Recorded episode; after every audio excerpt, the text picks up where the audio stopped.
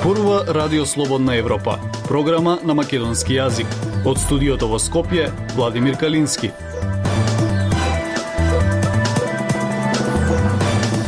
Почитувани следите емисијата на Радио Слободна Европа.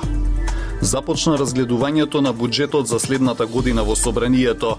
Пратениците пред нов предизвик за утврдување на мнозинство Кандидатот за премиер на Бугарија Кирил Петков најави нов пристап во македонско-бугарските односи.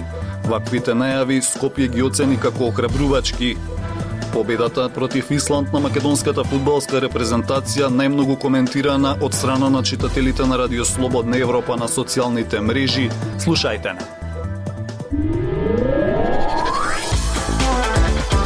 Независни вести и анализи за иднината на Македонија. На Радио Слободна Европа и слободнаевропа.мк.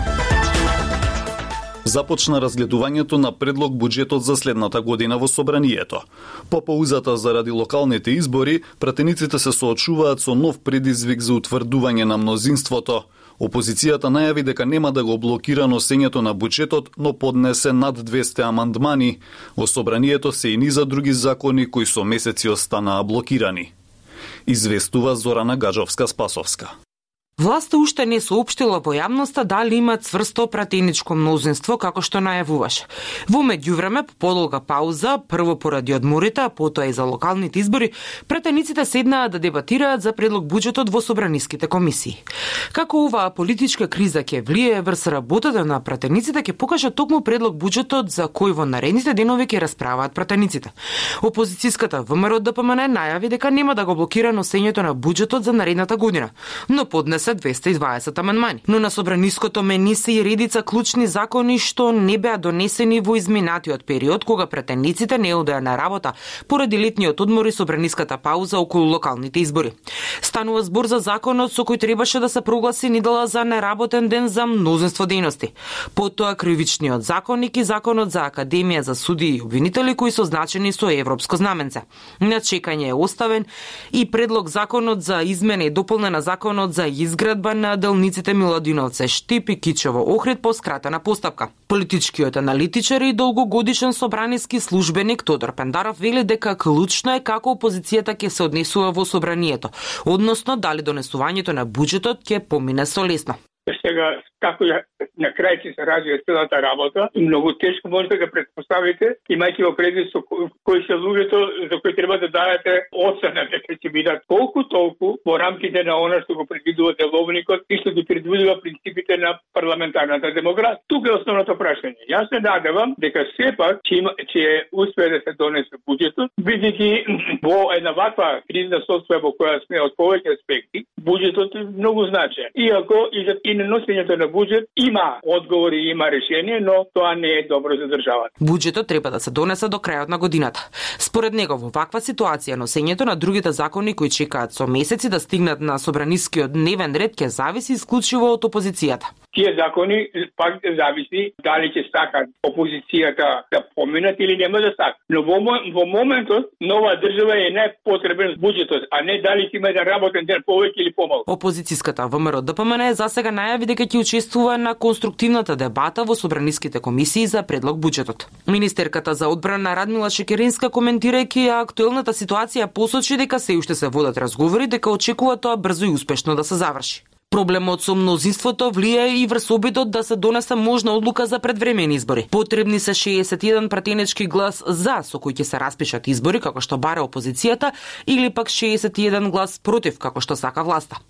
Двете неголеми партии се да и ВМРО ДПМН на дневна основа постојано меѓусебно се обвинуваат за актуелната политичка нестабилност во државата, барајќи оставка од лидерската позиција на својата конкуренција. Разврска се очекува и во албанскиот политички блок. Во овој период се очекуваат и одлуките на опозицијската алтернатива. Претениците последен пат заседаваа во средина на септември кога сложно на куса седница ги донесоа само измените на изборниот законник во предсред на изборите. Дайте ни 15 минути и ние ќе ви го дадеме светот. Слободна Европа.мк Најавите на кандидатот за премиер на Бугарија Кирил Петков за нов пристап во македонско-бугарските односи во Скопје беа пречекани како охрабрувачки. Првичната реакција од македонската влада ја даде министерката за одбрана Радмила Шекеринска. Во меѓувреме во Софија се уште се прават калкулации за идната влада по одржувањето на изборите. Прилог на Фросина Димеска. Додека во Софија се пребројуваат резултатите од неделните избори и се прават можните комбинации за идната владина коалиција, македонскиот министер за надворешни работи Бујар Османи работната недела ја почна во Брисел со средбата својот бугарски колега службениот министер Светлан Стоев. Пораката од Брисел е концентрирана на заедничката мултидисциплинарна експертска комисија за историски образовни прашања. Од неа, како што објави Османи, очекуваат во наредниот период да изнајде начини за постигнување на конкретни резултати. До одржувањето на клучни застаноци на Европската Унија во декември, нашите очекувања се да бидат интензивирани контактите преку постојните форми, наведува Османи. Од Софија пак стигна малку поинаква порака за бугарско-македонското прашање од Кирил Петков. Од партијата продолжуваме со промените. Петков рече дека е кандидат за бугарски премиер, а во ноќната изјава кажа дека треба да се формираат работни групи од двете земји во кои треба да бидат вклучени не само историчари, туку и луѓе од бизнисот, културата и образованието. Работните групи, вели Петков, нема да разговараат само за историјата, туку и за се што може да ги поправи добросетските односи. Првичната реакција од македонската влада за ваквата најава на можниот бугарски премиер ја даде министерката за одбрана Радмила Шекеринска. Изјавите кои беа дадени во изминатиот период и резултатот од бугарските избори, нема да лажам, се охрабрувачки. А, ние го поддржуваме тој апел за нов дух, за, за а, нов тип на диалог во кој ќе се трудиме не да најдеме мана или причина да го блокираме соседот, туку да најдеме што и едните и другите можеме да извлечеме од поголема соработка.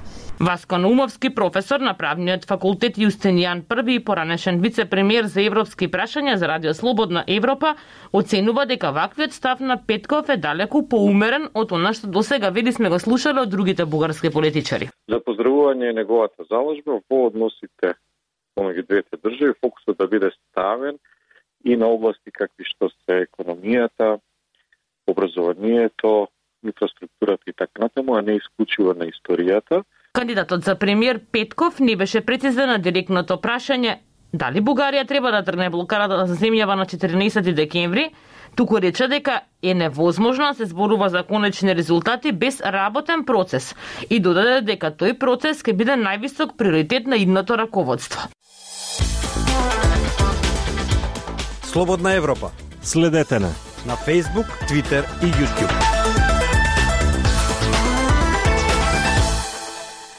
Бројни реакции на социјалните мрежи предизвика победата на македонската фудбалска репрезентација против Исланд, со која избори пласман во баражот за светското првенство следната година во Катар. Честитки за играта на фудбалерите дадоа многу читатели. Во фокусот на коментарите беше и интервјуто на Радио Слободна Европа со доктор Александар Петличковски од Институтот за имунобиологија. Горица Попова. Пријатно е кога човек малку ќе се оддалечи од политиката и ќе се порадува на спортските успеси на македонските спортисти во случајов на нашите фудбалери, Со победата од 3 спрема 1 над Исланд во неделата вечер, македонската фудбалска репрезентација избори пласман во баражот за светското првенство во 2022 во Катар. На нашата Facebook страница многу реакции со гифови, браво и ракоплескање, а Слободан Тодоровски ги бодри нашите фудбалери. Само напред момчиња, нека дознае целиот свет дека ве грее македонското сонце. Во последно време мощно активниот Блажо Хогар страшниот со оценка. Одличен фудбал, одлична репрезентација, да ти е мерак да гледаш. Враќањето на политиката како да е неминовно кај нас, беа локални избори, а во Дебар имаше повторен втор круг, победи кандидатот за градоначелник од Дуи, поддржан од СДСМ Хекуран Дука. Енис Шакири постирал гиф со ракоплескање, но Велко Апостолов не верува па смета лажаат на местиле. Има ваши реакции на неносењето маски на синокешното славење во Дебар. Валентина Глигорова забележува, таму нема корона. А Тоше Цветковски прашува, кај е Филипче корона? Јана М. Неделковска му појаснува, тој забранува само домашни слави, овие се нивни политички, дозволено им е. И во Бугарија имаше избори, поведи коалицијата Промената продолжува, а незиниот копредседател Кирил Петков во интервју за домашната БНТ коментира дека неговата партија има категоричен став за тоа што треба да се направи во односите помеѓу Бугарија и Северна Македонија. Работни групи кои нема да разговараат само за историјата, туку и за се што може да ги поправи добрососедските односи меѓу двете земји, бизнисот, културата и образованието. Оваа информација како да внесува оптимизам кај граѓаните што ја следат Радио Слободна Европа, па Джемал Джаферовски постирал Добро дојде, мили човеку, Господ му поможел да искочува на виделина. Народ сака човек правилен. И Златко Георгиевски се согласува со Петков, а кои историчари, сите што ги наброја, бизнисмени, културни работници, само без историја за подобар Балкан и братски живот. Историјата оставете ја во државните граници, па ако сакате и Исус Христос, правете си го бугарин или ние македонец. Историјата само кочи, завршува Георгиевски. Култура и уметност на Радио Слободна Европа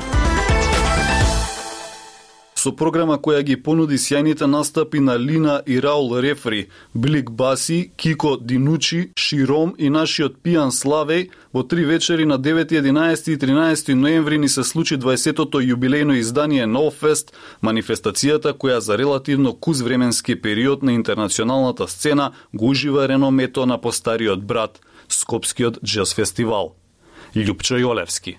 Јубилејното 20-то издание на Оффест, како и Скопски джез фестивал, ја имаше судбината да се одржи во историски мигови. Повторно во денови на висока политичка тензичност, собраниски игри за мнозинство, пазарање и подкупи. А случувањето со вкупната понуда пак, во случајов несомнено се престори во пролет, што ти слетува на рамото во длабока издодевна есен. Воведот беше сторен со проекцијата на документарниот филм Уметноста на Амалија на режисерот Бруно Алмеида, за кој ќе биде забележано дека пред представува далеку најсеопфатна визуелна архива за легендарната португалска фадо пејачка и светска дива Амалија Родригес. И не цел час по прикажувањето на делото во Кинофросина, во салонот на Националната опера и балет, имавме убава можност да бидеме сведоци на извонрено возбудливиот и оригинален спој меѓу силни творечки личности, Лисабонската пејачка Лина и Раул Рефри, гитаристот од Барселона и еден од најиновативните европски продуценти во последнава декада. Ова беше концерт кој остава без див и кој ја враќа до вербата во продуктивното и инвентивно посегање по традицијата. И по еден таков почеток, во четвртокот вечерта, првиот звучен налет го донесе словенечкото инструментално трио Широм, со идеологија дека сакаат да свират нешто што звучи како да веќе постои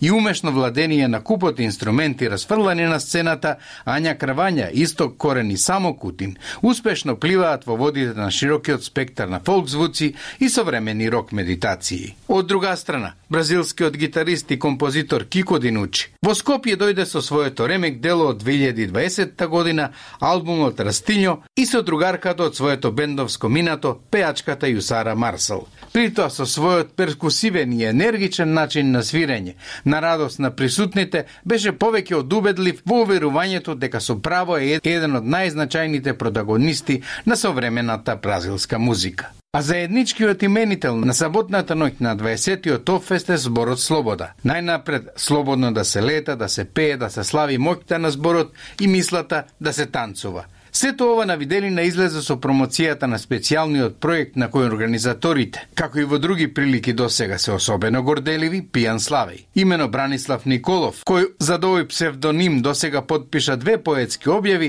овој пат околу себе собра одлична екипа, во која покрај Фолтин соборецот Пеце Трајковски се Андреја Мирчевска, Мартина Бараковска и Мартин Джорлев. При тоа тој и неговите придружници инспиративно слегуваат до срцевината на македонската поп сцена од 70-тите, си дозволија да им се обратат на големите представници на шансоната во светски размери и да направат вистински жур со диско ритамот од 1980-тите и нешто потоа. Згора на сето тоа, залиено со врвна изведба и реки, реки шарм. А по еден таков фуриозен блицкрик, она што следуваше беше самоставање точка на успешното славеничко издание на Оффест. За тоа беше задолжен камерунецот Блик Баси, кого вестникот Гардијан го почести со епитетот еден од најинвентивните најкреативните и најоригиналните африкански музички автори. Почитувани слушатели, тоа е се што ви подготвивме во оваа емисија. Од студиото во Скопје ве поздравуваат Владимир Калински и Дејан Балаловски.